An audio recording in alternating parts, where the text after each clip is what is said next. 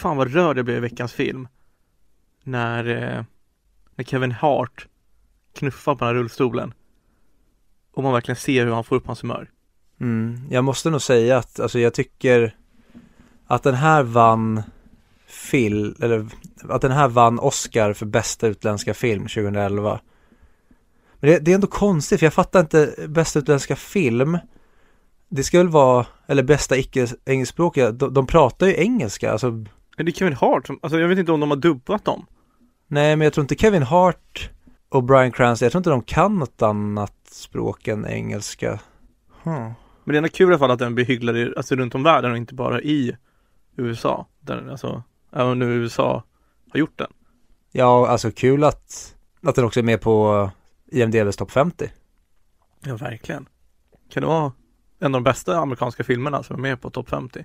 Det, alltså definitivt, i alla fall en av de som jag blir mest berörd av. Ja, men stort eloge till eh, Kevin Hart och gänget. Och Brian Cra- v- v- vem var det mer? Brian Cranstons Walter White från Breaking Bad. Just det, så han heter, ja. Ja, för jag tyckte jag kände igen honom. Mm. Eller var det Dustin Hoffman? Eller? Mycket möjligt. Nej, jag vet inte. Ja, ja. Ska vi köra igång avsnittet eller? Ja, det är lika bra.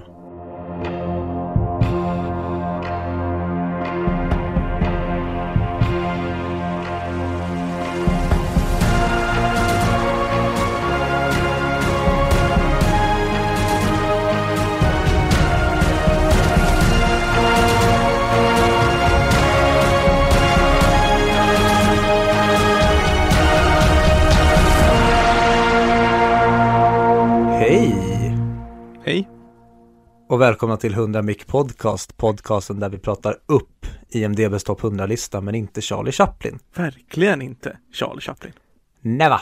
Vi är då podcasten som görs i samarbete med Moviesim.se, Sveriges största filmmagasin på nätet. Och jag heter som vanligt Viktor och med mig som vanligt har jag Mig, Fredrik. Kul att du kunde komma. Det här är då placering 43 och idag ska vi prata om den franska filmen Jag kommer ju våldföra mig på uttalet men Intouchables Eller som det heter på engelska Untouchables eller som det heter på svenska En oväntad vänskap Märkligt att Sverige skulle ha någonting annat än en rak översättning i sin Men den heter väl på engelska också The Intouchables? Ja. Ja, det lät som du sa Untouchables, och därför. Jag tror att de hörde fel. Du glömde även säga att vi är 100 Mick, den seriösa filmpodden. Som Moviesins eh, kommenterare har stämplat oss som. Ja, vi eh, ställde ju då frågan om vilken film som Moviesins läsare ville eller vilken film som Moviesins läsare tyckte bör vara med på IMDBs topp 100 men som inte är med där. Alltså då vilken film som vi potentiellt då skulle kunna stoppa in på en Charlie Chaplin-place- Charlie Chaplin-placering istället för Charlie Chaplin.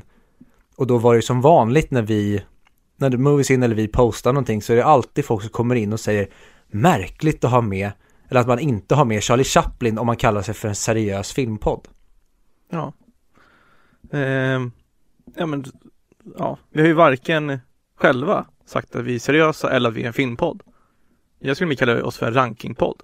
Ja, jag skulle bara kalla oss för Filmwikipedia. Vi kan och vet allting om alla filmer. Ja. Men seriösa behöver vi inte vara för det.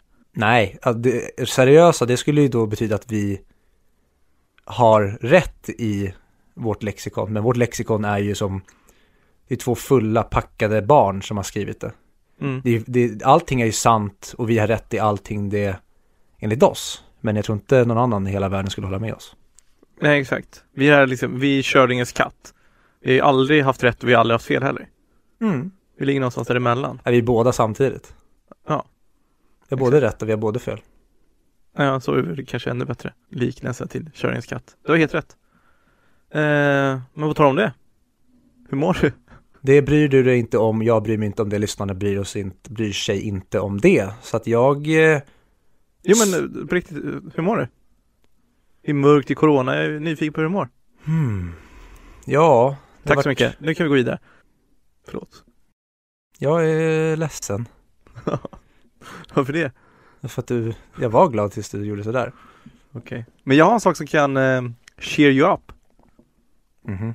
Vi har, vi har en otrolig lyssnare eh, som heter Kalle som har skrivit in. Och inte bara har har lite frågor som vi tänkte vi kunde diskutera.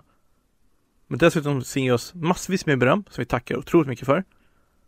Och så har han gjort en egen Vem är vi på väg? Jag hatar lite att alla lyssnare säger vem är vi på väg och ingen säger vem kan det vara. Så nu får jag bara bita det sura äpplet och erkänna. Yes! Och du hade rätt. Så du hade rätt Viktor. Tack. Bättre än han. Tänkte kolla, vill du testa den? Ja, varför inte? Och Eller innan, vadå va- varför inte? Självklart jag vill göra det. Vi har inte kört Vem är på väg nu på ett tag. Vi körde ju när Lina var med, då körde vi den här backward movieplot-grejen som eh, jag lyckades vinna fast jag hade missförstått hela konceptet.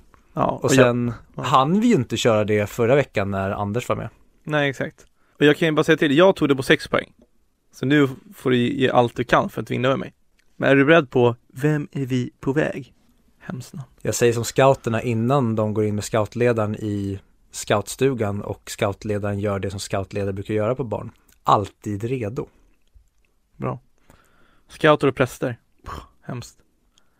10 poäng. Denna brittiska herre föddes 1959 och har varken någon Oscar eller Golden Globe under bältet.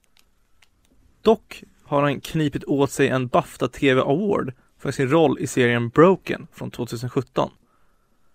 Han arbetade i sin farsas svetsfirma innan han 19 1983 tog död på den karriären och valde att bli skådis. Debuterade som Tybalt i en uppsättning av Romeo och Julia. Eh, jag vet inte, så jag väljer åtta poäng. Åtta poäng. Åtta poäng i Vem är vi på väg?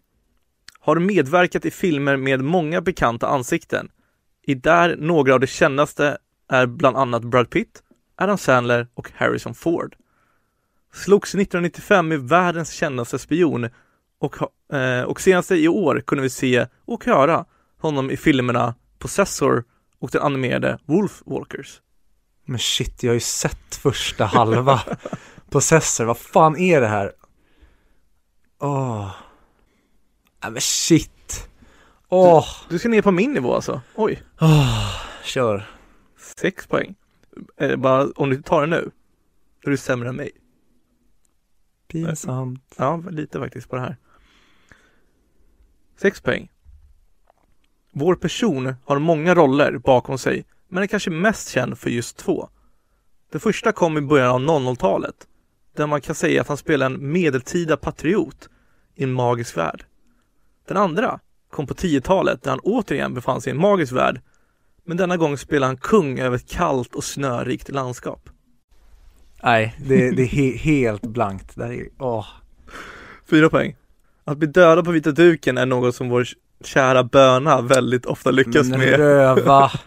Han har blivit genomborrad av pilar, fått huvudet avhugget, blivit nedknuffad från en klippa av kor och blivit mosad till döds. För att bara nämna några. Jag hängde upp, upp, upp mig för mycket på Possessor, men jag minns inte att jag har sett att han har varit med i den så långt jag har sett. Men ja, det är ju... eh, Vi tar två poäng också, så får vi se om du känner dig säker efter den. Ja. Vet inte vem jag pratar om nu kan du alltid plocka bort Mr från Mr Bean för en hint. Eller så kan du rimma på Jan Schmiemann. Eller Schmin menar jag. Jan Schmin. Och rätt svar är Sean Bean. Ja. Mm. Kan du köra ledtrådarna? Ja.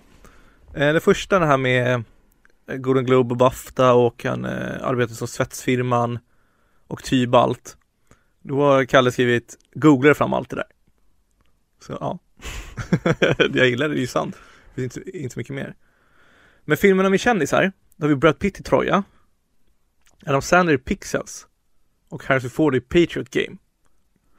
Och sen är jag ju med i Världens känsliga spion i James Bond i filmen Goldeneye där han spelar skurken.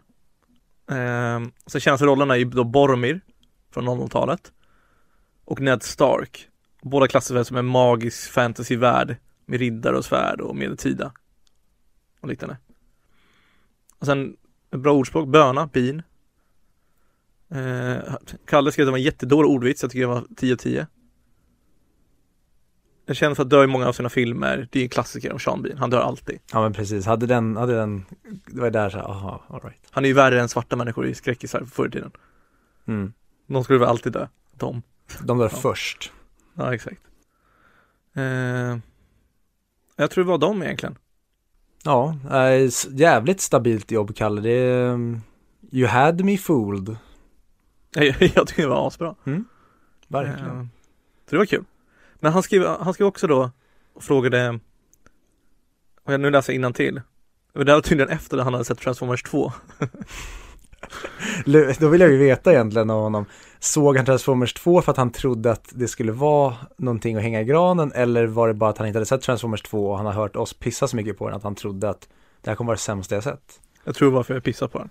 Det var så jag tolkar det. Det är ändå jävligt, eh, vad ska man säga, det är ambitiöst att sätta sig och kolla på en film som man förväntar sig kommer vara helt bedrövlig. Ja. Eh, men han skrev i alla fall, har ni tänkt på hur ni ska göra när listan tar slut? Kommer ni fortsätta podda fast prata om film rent generellt? Eller hur ser framtiden ut för er?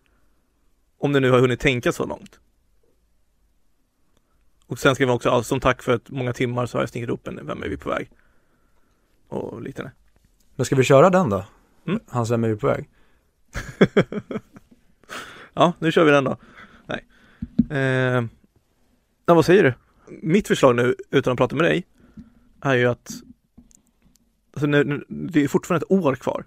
Nästan. Lite mindre. Jag tror att det är november nästa år som listan är klar. Vi har ju några avsnitt som jag tycker att vi borde köra om. Dels för att vi har fått mer kunskap och för att ljudet sög. Typ Space Odyssey. Men samtidigt tycker jag det hade varit kul att höra och få lite tips och tankar från vad lyssnarna vill ha. Mm, absolut. För få, för, inte för att de ska få bestämma, för det gör ju vi såklart. Men, men för att få lite inspiration. Mm. Det är svårt, för, för det som är så bra med IMDBs topp 100 det är att det är en konkret lista som är framtagen av andra, inte av oss. Och då blir det att vi sitter redan på en trajectory och måste köra igenom den här. Sen har vi gjort vår lilla twist med Charlie Chaplin. Men det är svårt, för där vill man också ha, antingen så kör vi bara helt fritt, men då blir det också, då blir det inte lika tydligt och rakt. Men det är kanske inte är det som är det viktiga. Hmm. Sen vi pratade om hindi, köra alla Bollywood, topp 100 Bollywood. Tv-serier finns ju också. Topp 100. Åh, fan vilket berg att bestiga. Hur, hur gör man det ens? Då måste det ju vara ett avsnitt i, i månaden typ. Men det är svårare där också, det är så många som, alltså, nästan alla topp 10 är typ så här Cosmos eller Planet Earth. Det är typ inga så här, alltså det är otroliga serier, det, alltså det säger ingenting emot men det är inga som är liksom, vad kallar man det? Berättarserier. Det är, det är inga spels, alltså vad säger man? Skådespelade serier utan det är mer Mm. dokumentärserier. Det hade varit sjukt om vi körde IMDBs topp 100 dokumentärfilmer.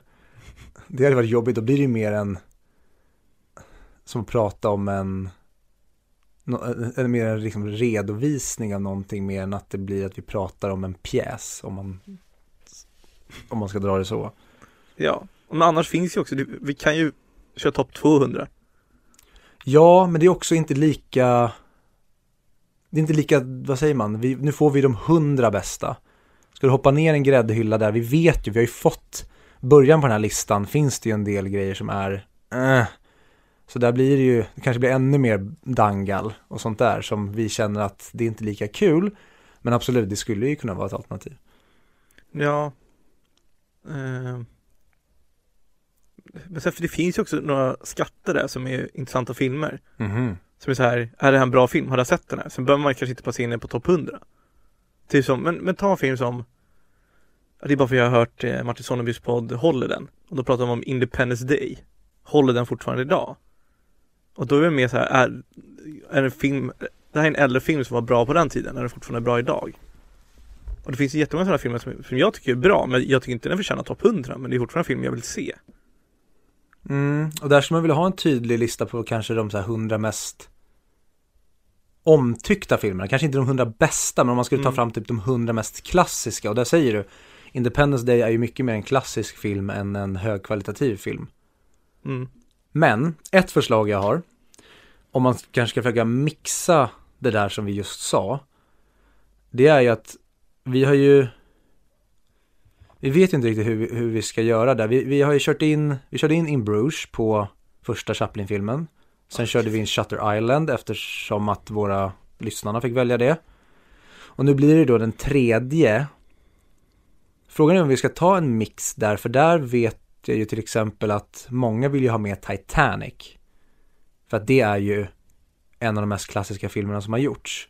Men jag vet inte fan om den nöd, nödvändigtvis skulle klassa in på en topp 100-lista. Och det vore ju kul att se, för tidigare har det ju varit filmer som typ du och jag håller med om hör hemma på IMDBs topp, IMDBs topp 100.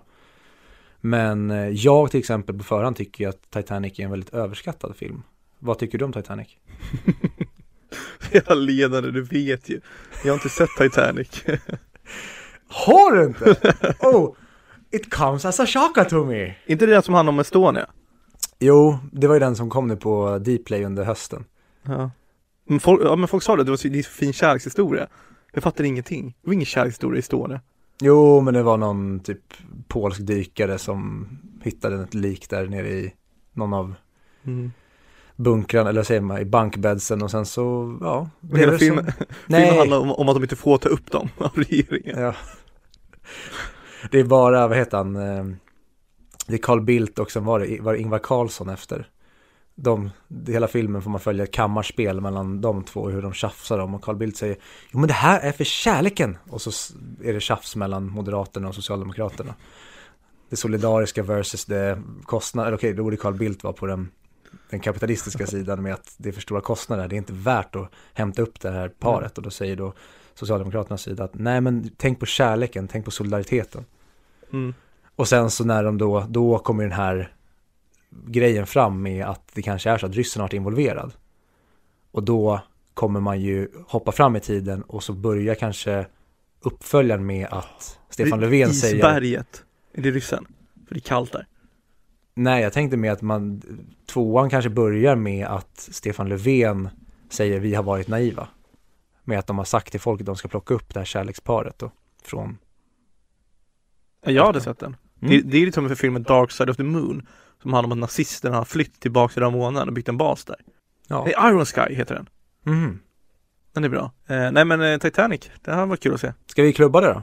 Ska vi köra Titanic? Vi får väl göra det. Det är kul, då går vi lite utanför vad du har gjort tidigare eftersom du har inte sett den och jag tycker att det är en eh, på förhand. Jag har inte sett den på ett tag. Så att det, men jag minns Titanic som en film som att den, jag tyckte den var för manipulativ men det får vi ju se om vi nu ska se om den. Hur många Chaplin har vi kvar då att byta ut? En till efter det, Men då, då, då kör vi en röstning på den sista. det tycker jag. Då så. Och det är inte långt kvar, jag vet att den, eh, jag tror att det är om typ fyra, fem avsnitt som Ja. sista Chaplin kommer. Så det får bli det, the final big one. Men på tal om att föra sin eh, talan.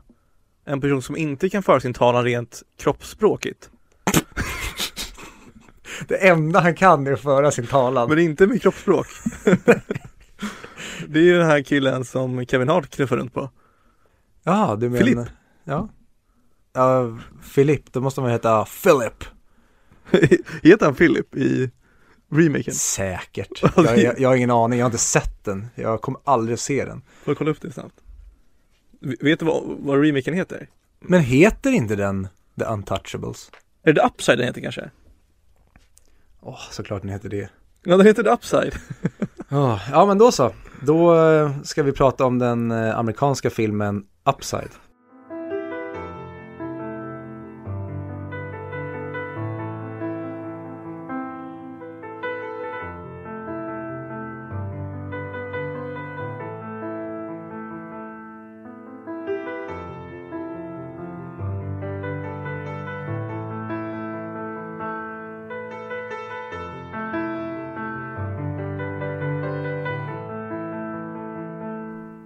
Kanske är dags nu att vi droppar skämtet om att vi ska prata om, Ja, Kevin. om Kevin Hart och, och remaken då. Men vi ska ju prata om då som den på svenska heter En oväntad vänskap. Fint. Ja, originaltiteln är ju då Intouchables. Och den är då från 2011 och den är regisserad av Olivier Nakac och Eric Toledano. Och då börjar jag som vanligt Fredrik. Hade du sett den här filmen innan? Ja, det hade jag. Det stämmer. Hade du också det? Eh, ja, jag hade sett den här filmen en gång tidigare. När den då kom, så 2011, så det var nio år sedan ungefär jag eh, såg den. Och jag minns den verkligen som att, gud vilken härlig ride. Men herregud vilken överskattad film. Ja, det var verkligen så här, ja de har skitkul, de eh, garvar på varandras bekostnad, han livar upp honom, men det kändes lite som en så här, ja men en ännu mer glättig och manipulativ Forrest Gump-grej. Att allting bara egentligen flyter på, det är trevligt och mysigt och lalalala. Typ så, minns jag den. Snacka aldrig skit om Forrest Gump igen. Jag minns Forrest Gump som en 5 av 5 film så att eh, Okej. jag menar inte på det sättet. Jag menar med att nu har Forrest Gump lite fler dalar vad jag minns än den här. Men den, den här kändes som att det här är en film som egentligen bara ska få en, en att må bra. Det var inte så mycket jobbigt och jag brukar ha svårt för sådana grejer. Jag vill ju, som vi vet sedan tidigare, jag gillar ju när det går lite mörkt åt helvete för saker, när det finns eh, brister och gråskalor. Den här filmen eh, kanske inte har så mycket av det. Nej, men det här, alltså, jag tänker att, nu hoppar jag in rakt in i filmen, men hela hans situation är så pass mörk, du behöver inte lägga på ännu mer mörker. Du menar Driss? Nej, jag menar Philip. Vadå, han har väl världens bästa liv förutom att han blir tvungen att bli runtkörd i en stol. Vad... Ja, men, alltså, Nej, jag skojar. Ja. jag var för- Men eh, vi kan ju dyka in i den rakt in. Jag skulle bara, vi drar en liten eh, premiss för den som nu förmodligen inte har sett den. Jag kan bara säga att om du inte har sett den här, se den. För att, eh, och det är verkligen så här, tycker du nu att det är lite jobbigt och tråkigt under corona, det är en film som definitivt kommer få dig att må bättre. Det är en väldigt bra som film att injicera lite glädjerus igen och, och ta upp en nivå. Om du känner att allting är lite 2 plus, ja men då kommer filmen minst vrida upp till 3 plus. Men den handlar ju då om eh, Philippe som är en, eller den handlar egentligen om Driss som är då en eh, man i eh, Paris förorter som då dyker upp på en arbetsintervju för att han egentligen bara vill ha en stämpel så att han ska kunna få ut Eh, försäkrings, eller vad säger bidragspeng, att han är ute och söker jobb. Jobbet han just i det här fallet då råkar söka är då som en personlig assistent åt en förmögen man som är då förlamad från nacken ner. Och då får vi så se väldigt stereotypt hur alla som kommer hit och söker jobbet är vita, de har gått utbildningar för att vara just sådana här skötare, de är kantiga, de är tråkiga. Och så kommer då ortens egen riddare Driss in och eh, Philippe får se en helt annan sida av då en sån här skötare. Han är ju inte en riktig, skötare. Så att eh, Philippe då ger honom det här jobbet då som han egentligen inte har sökt och där får vi då se hur de här två männen lär sig om varandras världar helt enkelt. Det är så svenskt, alltså här. Jo men det där är ganska oväntad vänskap, de skulle bli kompisar. Ja, vi döper den exakt det som det är. Ingen touch alls i döp, alltså hur de döpte filmen. Superrasistisk också så här. Men det är en, en vit privilegierad man och en svart förortskille. De skulle ju aldrig kunna ha någonting gemensamt. Men det, eh, nej men alltså jag kan tänka mig, för de säger ju aldrig the benefits med det här jobbet. Men jag kan tänka mig att man får schysst med deg att jobba här och sen ser vi hans rum som också indikerar på det. Mhm. Ja, han bor ju i princip i ett slott typ. Otroligt eh, se, eh, det, filmmässigt fin scen i, när de åker i bilen. För jag har tänkt på det hur de filmar dem. Du pratar om inledningen. Ja, och för sen kommer scenen i, återigen i filmen. Mm. Att så här, du vet, man ser lamporna, jag tycker det är så otroligt vackra färger. Mm. Ja, det här är verkligen fransk film när fransk film gör det som också USA är bra på, att de, de får det att se dyrt ut och filmiskt ut. Jag tycker vi i Sverige, vi är väldigt dåliga, vi, vi är väldigt duktiga på att få saker att se reklamigt ut. Vi är väldigt duktiga på reklamfilmsfoto. Men jag tycker Frankrike, där är de väldigt duktiga på att göra cinematiskt foto, alltså det känns väldigt, som du säger, filmiskt. Och det tycker jag även den här filmen har. Ja, för det känns ju inte, det är en gång som jag ser en green screen i den här filmen tror jag. När är det? Två, det är en gång när någon, någon, kör, någon flyger. Är det verkligen en green screen? Jag är nästan säker på det, för det såg otroligt fake ut en, en scen. Ja, exakt det jag tänkte på också, men jag, jag känner bara att det, det, det är så dumt. Varför skulle du ta, jag tror bara att det är en konstig, alltså, från den GoPron eller vad det är vi ser där. Jag tror bara att det ser väldigt märkligt ut, för det känns så väldigt konstigt när de har så mycket riktiga, autentiska flygscener.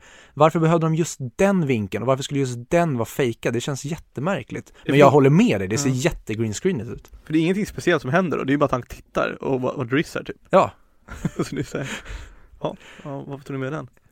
Jag tror bara det är Eh, en sån här klassisk att solen lyser på honom på ett visst sätt som får det att se Mm. dåligt ljusat ut och då ser bakgrunden väldigt greenscreenig ut.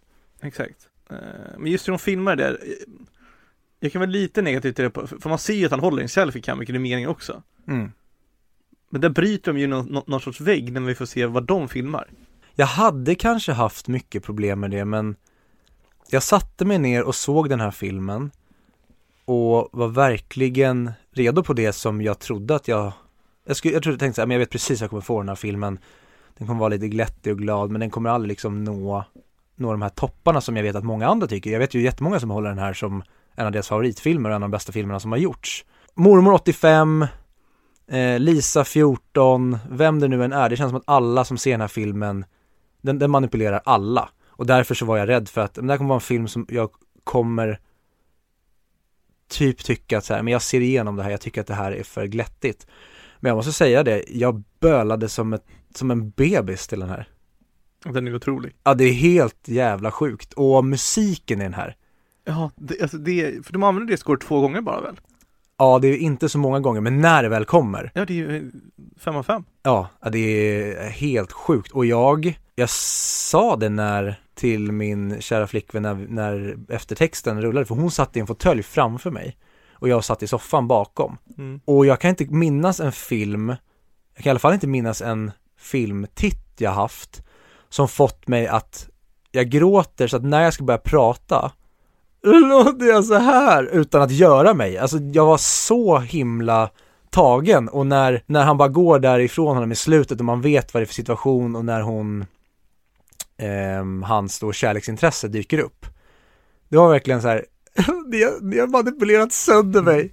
Ni har bara slagit ner mig och jag ligger här på botten och jag bara ge mig allt. Alltså, jag, jag är helt, det här är en av de bästa filmerna tycker jag, alltså på att jag aldrig fått en sån här känsloframkallning.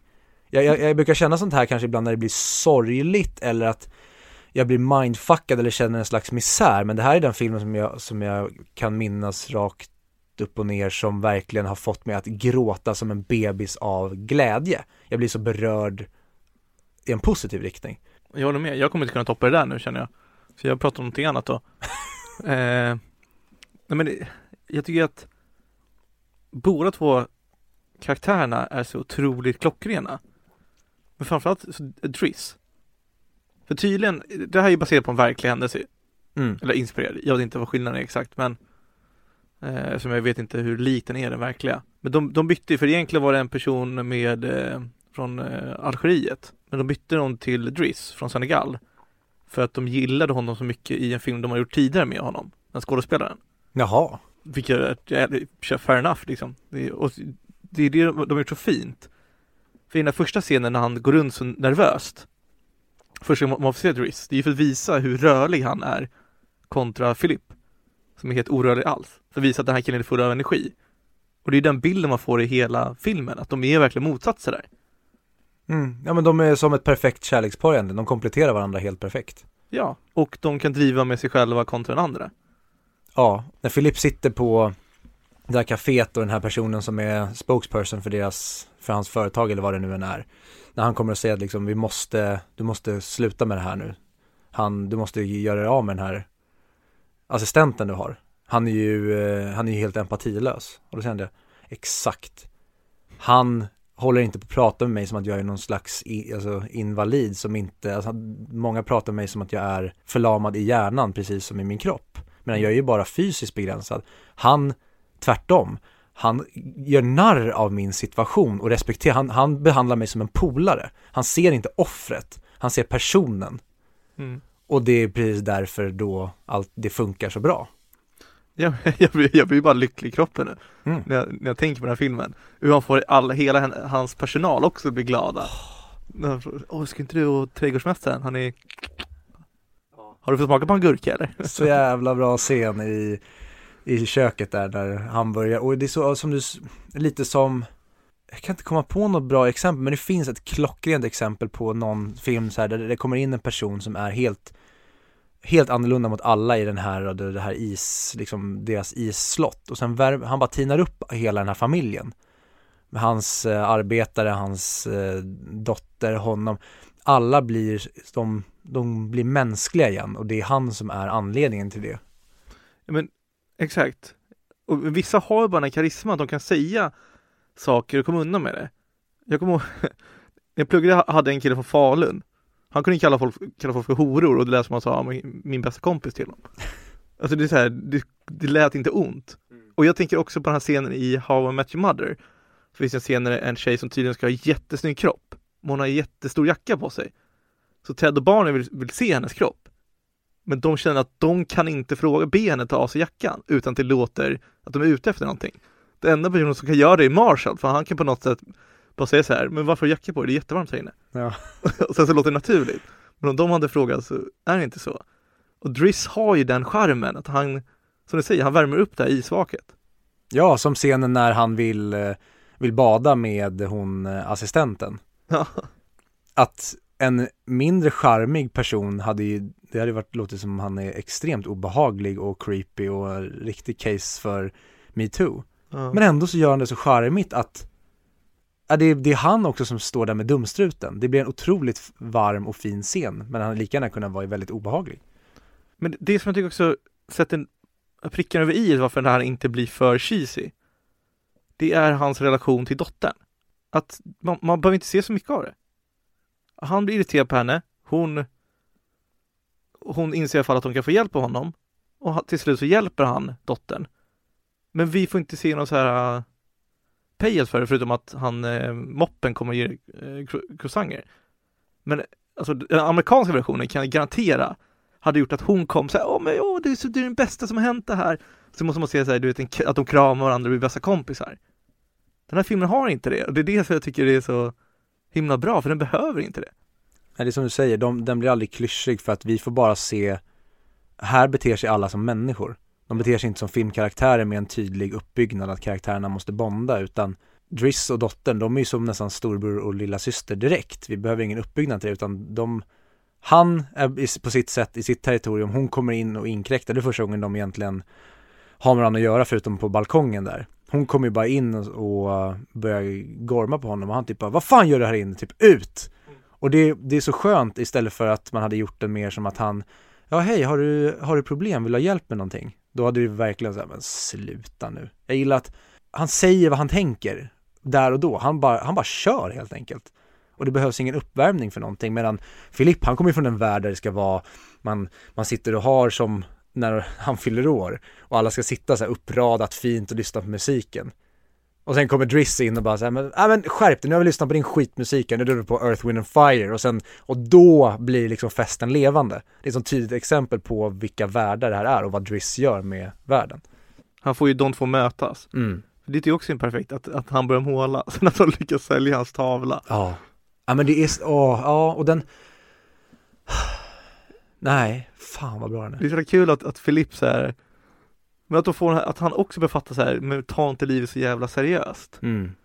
Allt ifrån att de bettar med poliserna till att, ja det händer så här, ja men vi tar det som det kommer.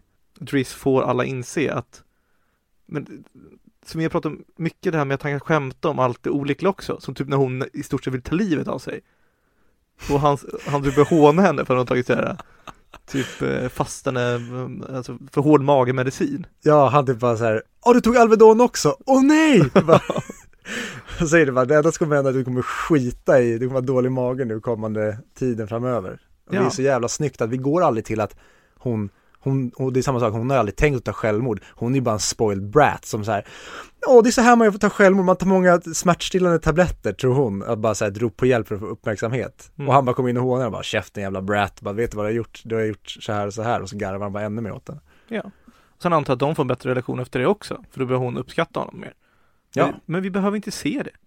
Det är det som är så skönt. Nej men se, alltså scenerna i sig är så himla så här, övertydliga men då, humorn är alltid spot on i alla. Sen okej, den spelar falskt då och då.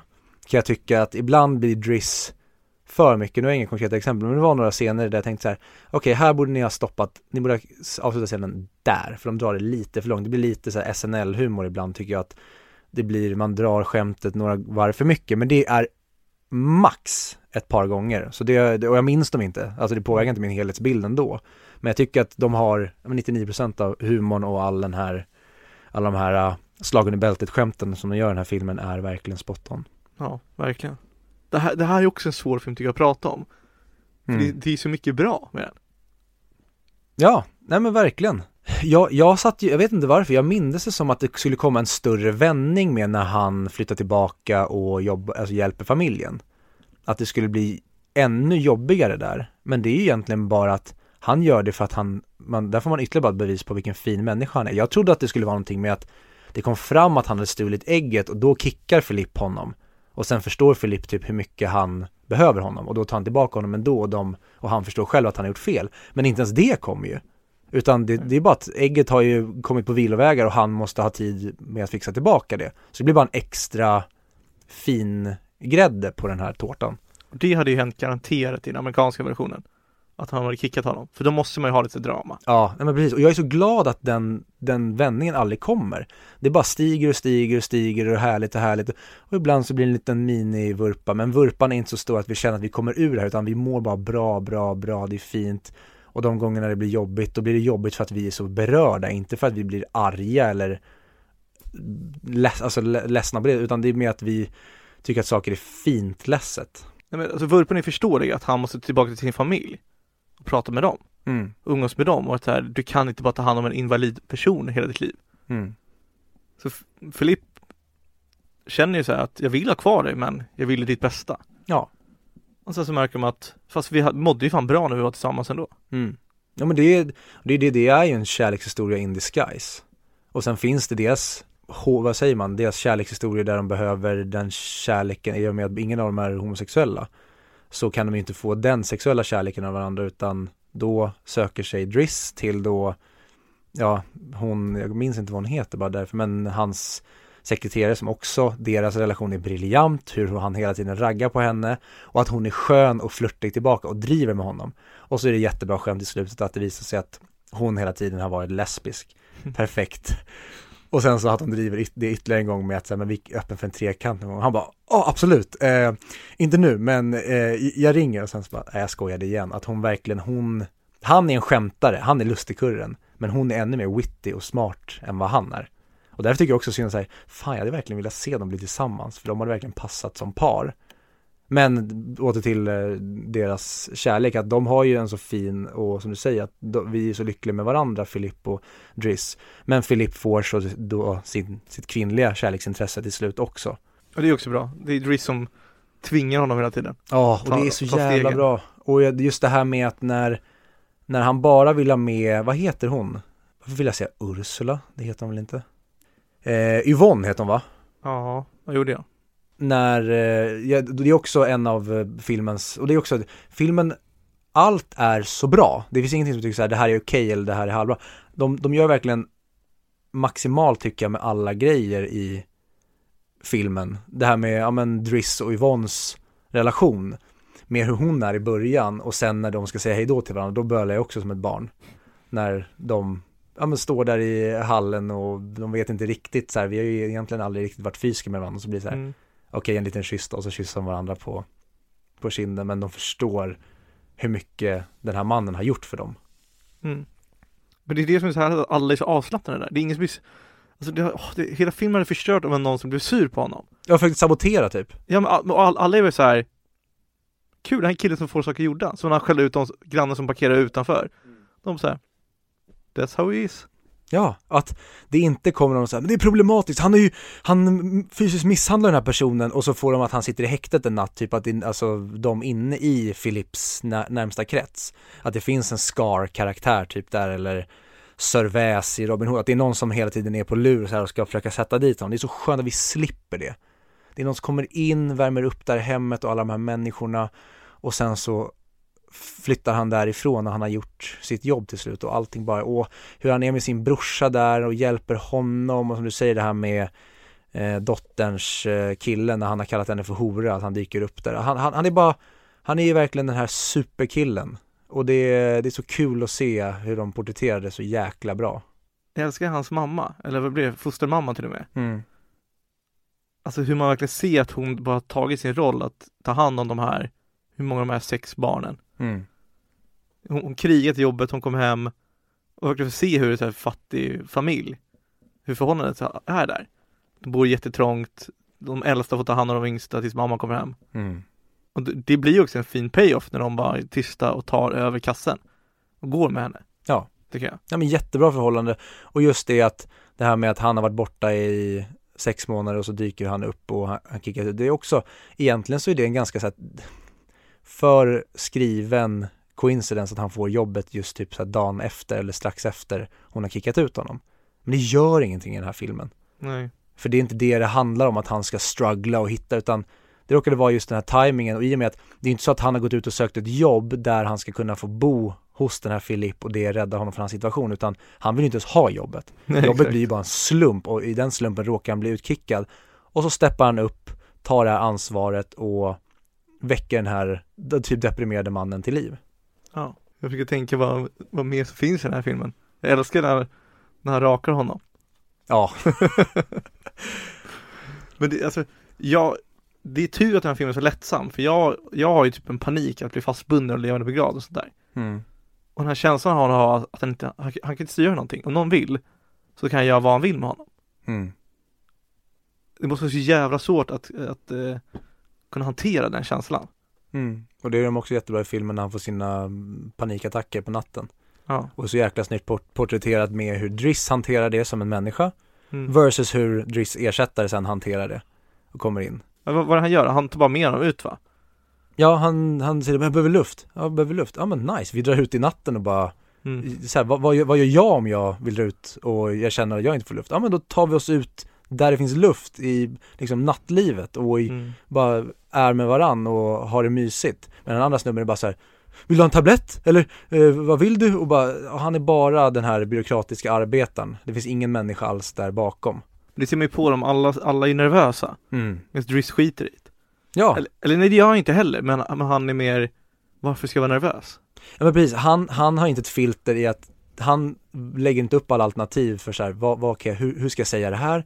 Eh, det här, det, det där. Han tänker inte igenom utan han är ju bara sig själv. Han Mm. tänker, jag tänker det här, ja men då säger jag det i den här situationen.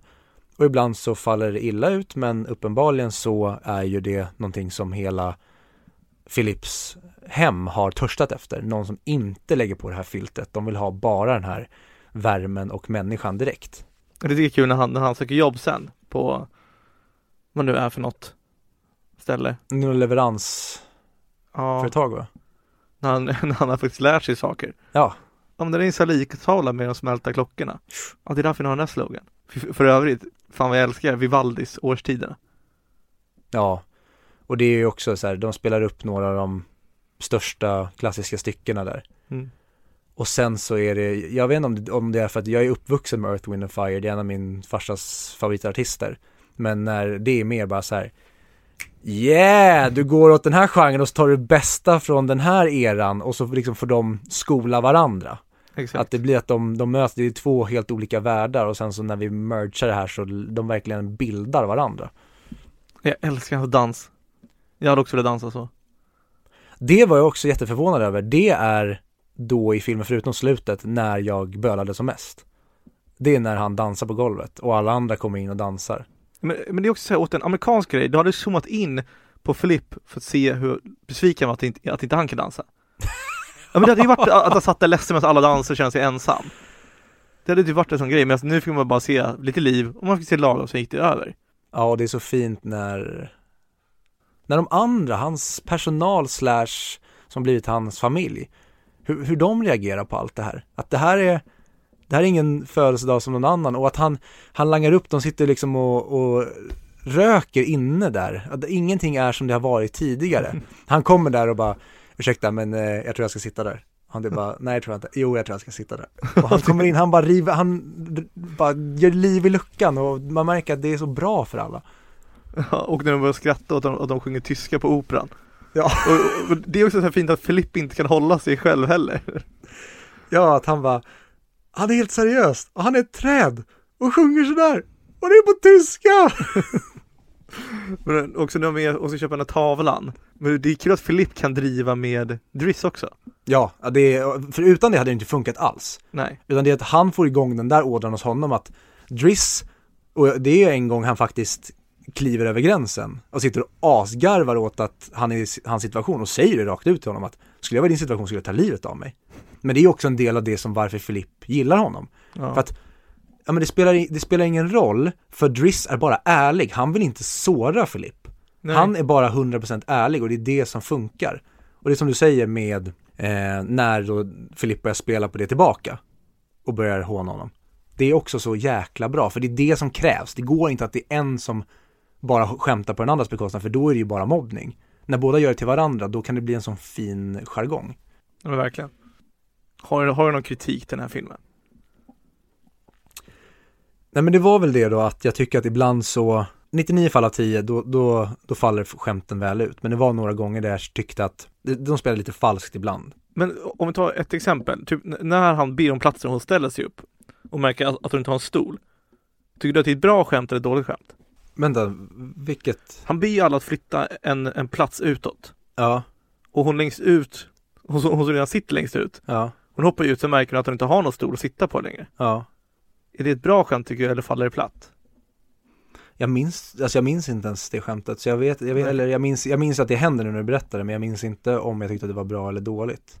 Nej, för det, det var kul att höra Nu vill jag inte sätta dig på pottan säga att, att, vad du ska ta men det var kul att höra om du hade något sånt Nej, det är det jag inte kommer ihåg. Men var, jag märkte det tidigt i den här att jag kommer inte sitta och försöka leta i grejer som jag tycker kanske borde gjorts på ett annat sätt. Utan jag var väldigt, jag var bara öppen för den här riden tidigt och jag tycker aldrig att riden slutar vara bra. Utan tvärtom, jag tycker att den är helt fantastisk. Den fortsätter vara fantastisk, den blir ännu mer fantastisk. Och jag bölar och så är den fortfarande fantastisk och jag skrattar och jag bölar och jag skrattar och, det fortsätter bara. Hur slutar filmen? Jag kommer inte ihåg sista scenen Det är ju att han ehm, kom, kör honom till restaurangen där, Just det, lämnar honom, just det. han ger honom guldägg eller ehm, stenägget och sen så går han ut på gatan och går. Mm. Och så kommer hon. Perfekt Ja, det är ju sådana scener genom hela den här filmen. Br- briljant scen är ju också att när han ska träffa sin brevväxlartjej första gången, då vill han ju ha med Yvonne, han vill inte ha med Philip. Eller han vill inte ha med Driss för att han är, det är också en jättebra grej att Driss stora mun är inte alltid till, till hans fördel. Att i en sån situation när han ska träffa den här nya tjejen, ja men då kanske inte Driss ska vara med för Driss kan potentiellt sabba det. Han, han, han är inte så säker på Driss där än. Och då åker han själv med Yvonne. Men då förstår han ju där att det är just att nu behöver jag Driss för nu håller mitt självförtroende, det elixiret håller på att rinna ur. Jag behöver mer självförtroende boost av honom. Och då ringer han ju till honom, eller han går därifrån och ringer honom. För att han förstår att helvete, Yvonne funkar inte här. Jag behövde Driss för att ta mig igenom det här. Ja exakt men han, han har ju inte självförtroendet max för han byter ut bilden också Mm. Men det är också kul för det, det är också en sån här grej, det gör ju alla idag. Alla tar ju den bästa bilden av sig själv. Om någon tycker att den har fula ben, ja men då tar inte den med fula ben på sin profilbild, vad det nu om det är på Facebook eller så. Tycker den att den är ful från högersidan, då gör den samma sak. Han gör ju bara en liknande grej, bara att hans grej kanske blir en större reveal sen när de väl ses. Ja men han, exakt, men han, är- ja jag håller med Men han är ju rädd för att förlora det han har han, Mm. Men han, han vill ju hellre leva med fantasin att det kan hända Än att riskera Att det kanske inte alls blir någonting mer Mm. Det där klassiska du vet But we're friends, I, I don't wanna ruin what we have Mm. Kärleksdramat. Verkligen. Känns alltid, känns nästan, ja. Alltid när det händer känns det alltid som att det är tjejerna som säger det seriöst. Medan killarna säger det mer på ett douchigt sätt. Oseriöst. Ja. i filmer. Usch! Vissa säger det på seriöst sätt. Nej, vi, nej ingen könning Viktor. En grej som jag tänkte på, jag, jag ser många likheter med In Bruges i den här. Berätta gärna. Eh, Dels tänkte jag med musiken mycket. Att jag tyckte det fanns många likheter och då blev det mycket likheter i stämningen och sen att det är en, det är en svart komedi. Att den har mycket deppigt i den här humorn som finns.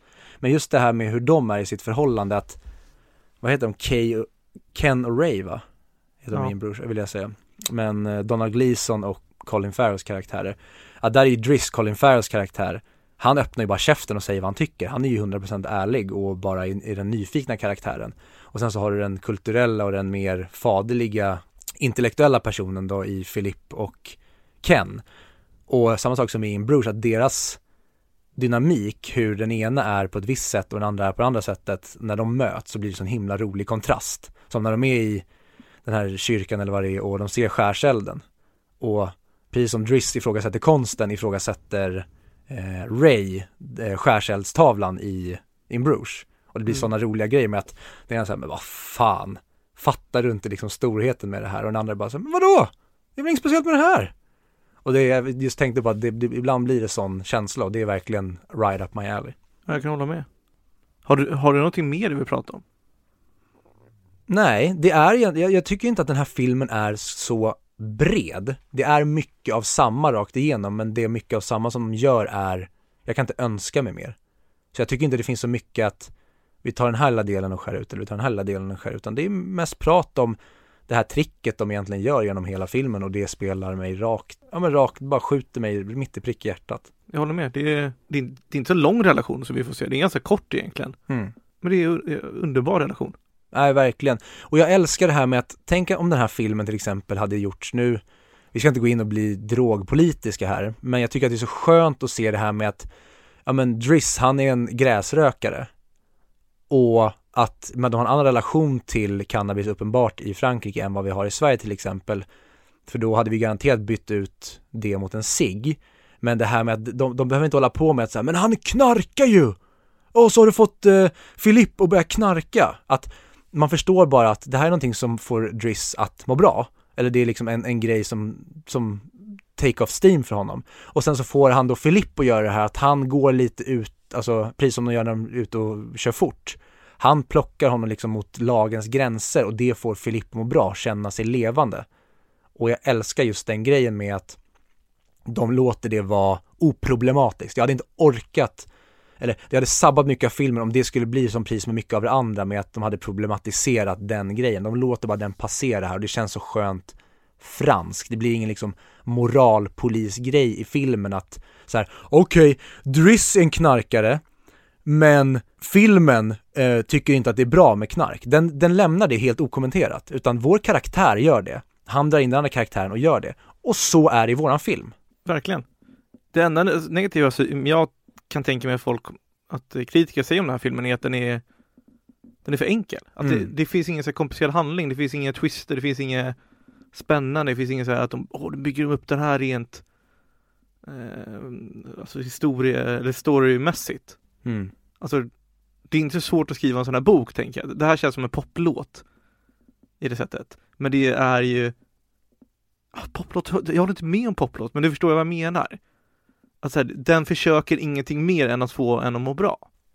Precis, och det kan jag tycka att absolut, som en poplåt så skulle den här lätt gå att tjata ut. Men jag tycker det här blir liksom en det är, inte, det är verkligen inte en sommarplåga, men skalet skulle kunna vara en sommarplåga. Men de utför det på samma sätt som du utför en fantastisk låt. Och det tycker jag är perfekt att du kanske har poprefrängen i det hela och det är en väldigt poppig låt, men du gör någonting otroligt mycket mer av det. Som till exempel vi pratade förra veckan om The Departed.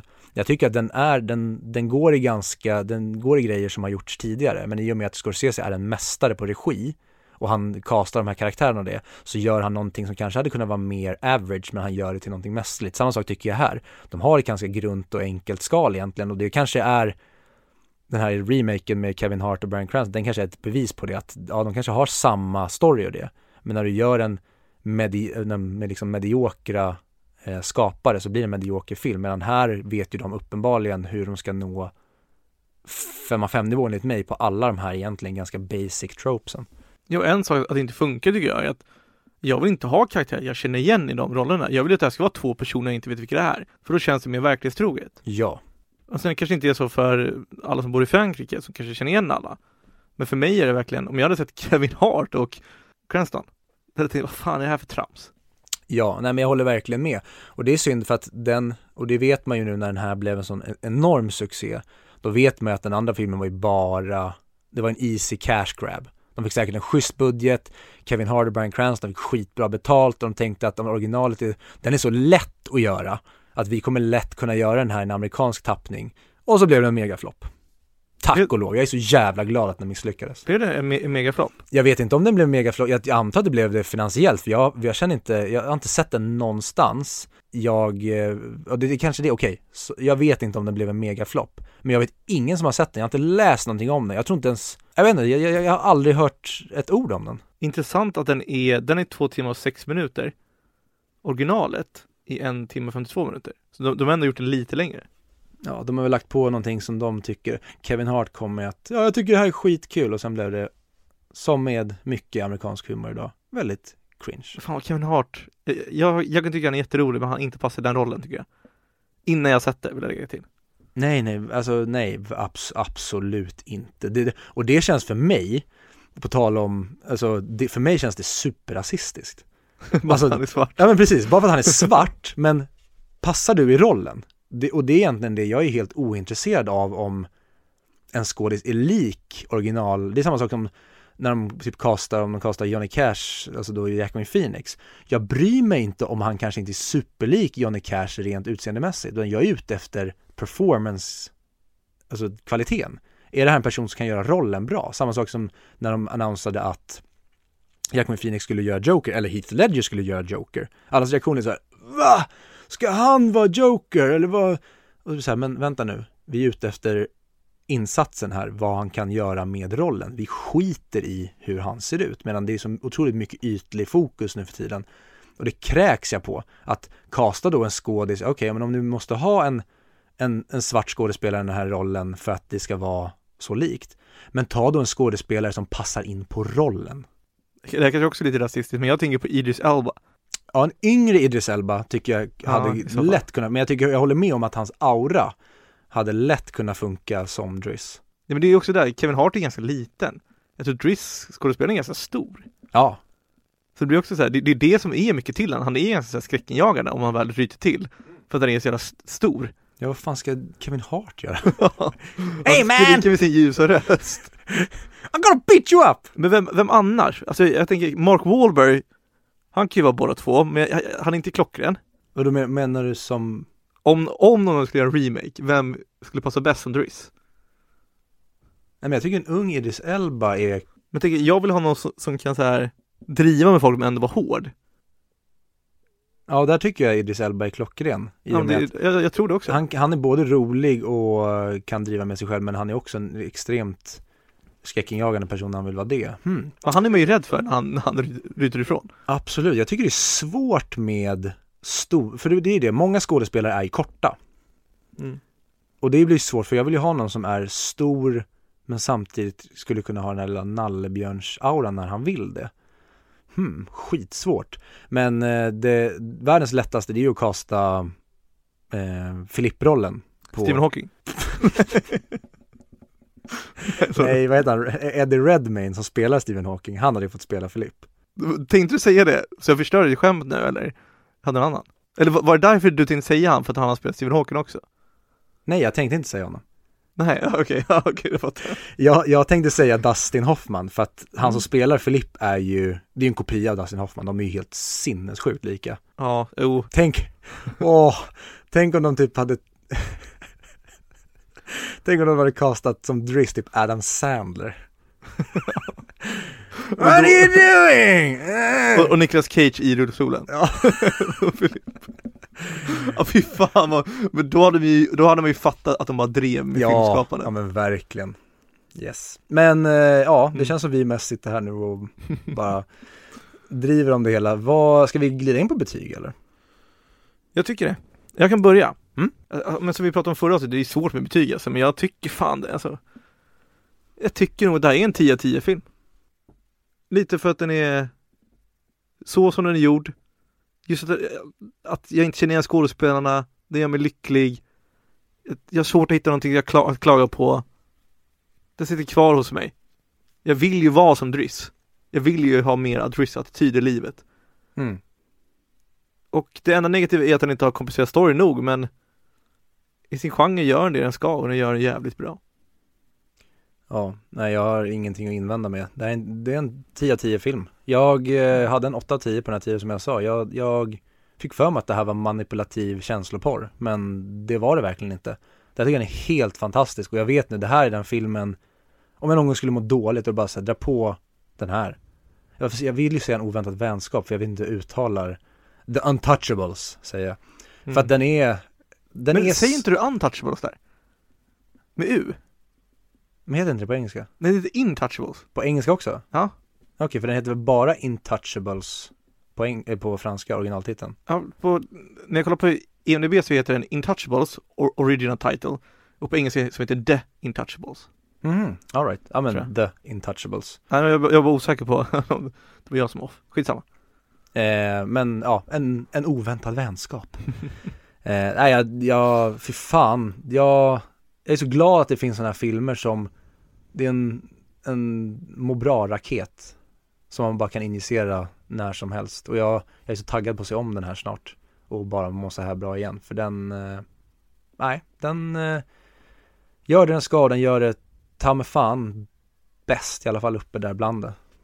Så 10 av 10, men vad skulle du sätta den på? Mm, 40 mick. Mm.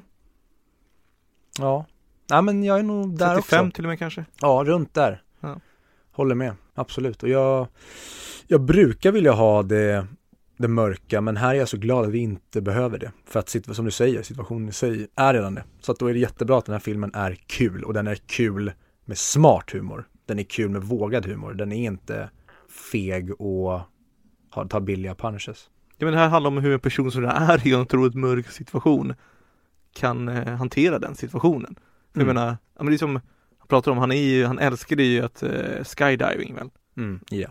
Och nu kan jag inte göra allt han älskar. Som, som måste liksom hantera stora män och små män och kvinnor. Alltså basera honom varje dag, gör allt basic och förnedrande. Mm. Så nej, inget mer mörker än det tack. Mm. Det är också jättekul när Driss säger Jag kommer aldrig ta på mig en, ta på en annan mans strumpor. Och sen efter så tar han på honom strumporna.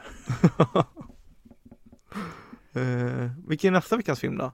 Just det, sa vi ju. Ja, vi eh, landar i Titanic.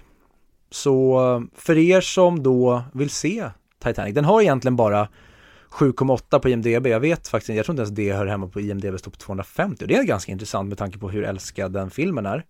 Men eh, ja, vi får köra snack om den eh, helt och hållet nästa vecka. Men för er som vill se den så finns den att hyra på Blockbuster, Google Play, iTunes, Rakuten TV, SF Anytime och Viaplay. Vi har också Heimdall. Nu är ju juletiden över, men det är fortfarande kallt och mörkt, så jag antar att många kör fortfarande med tända ljus.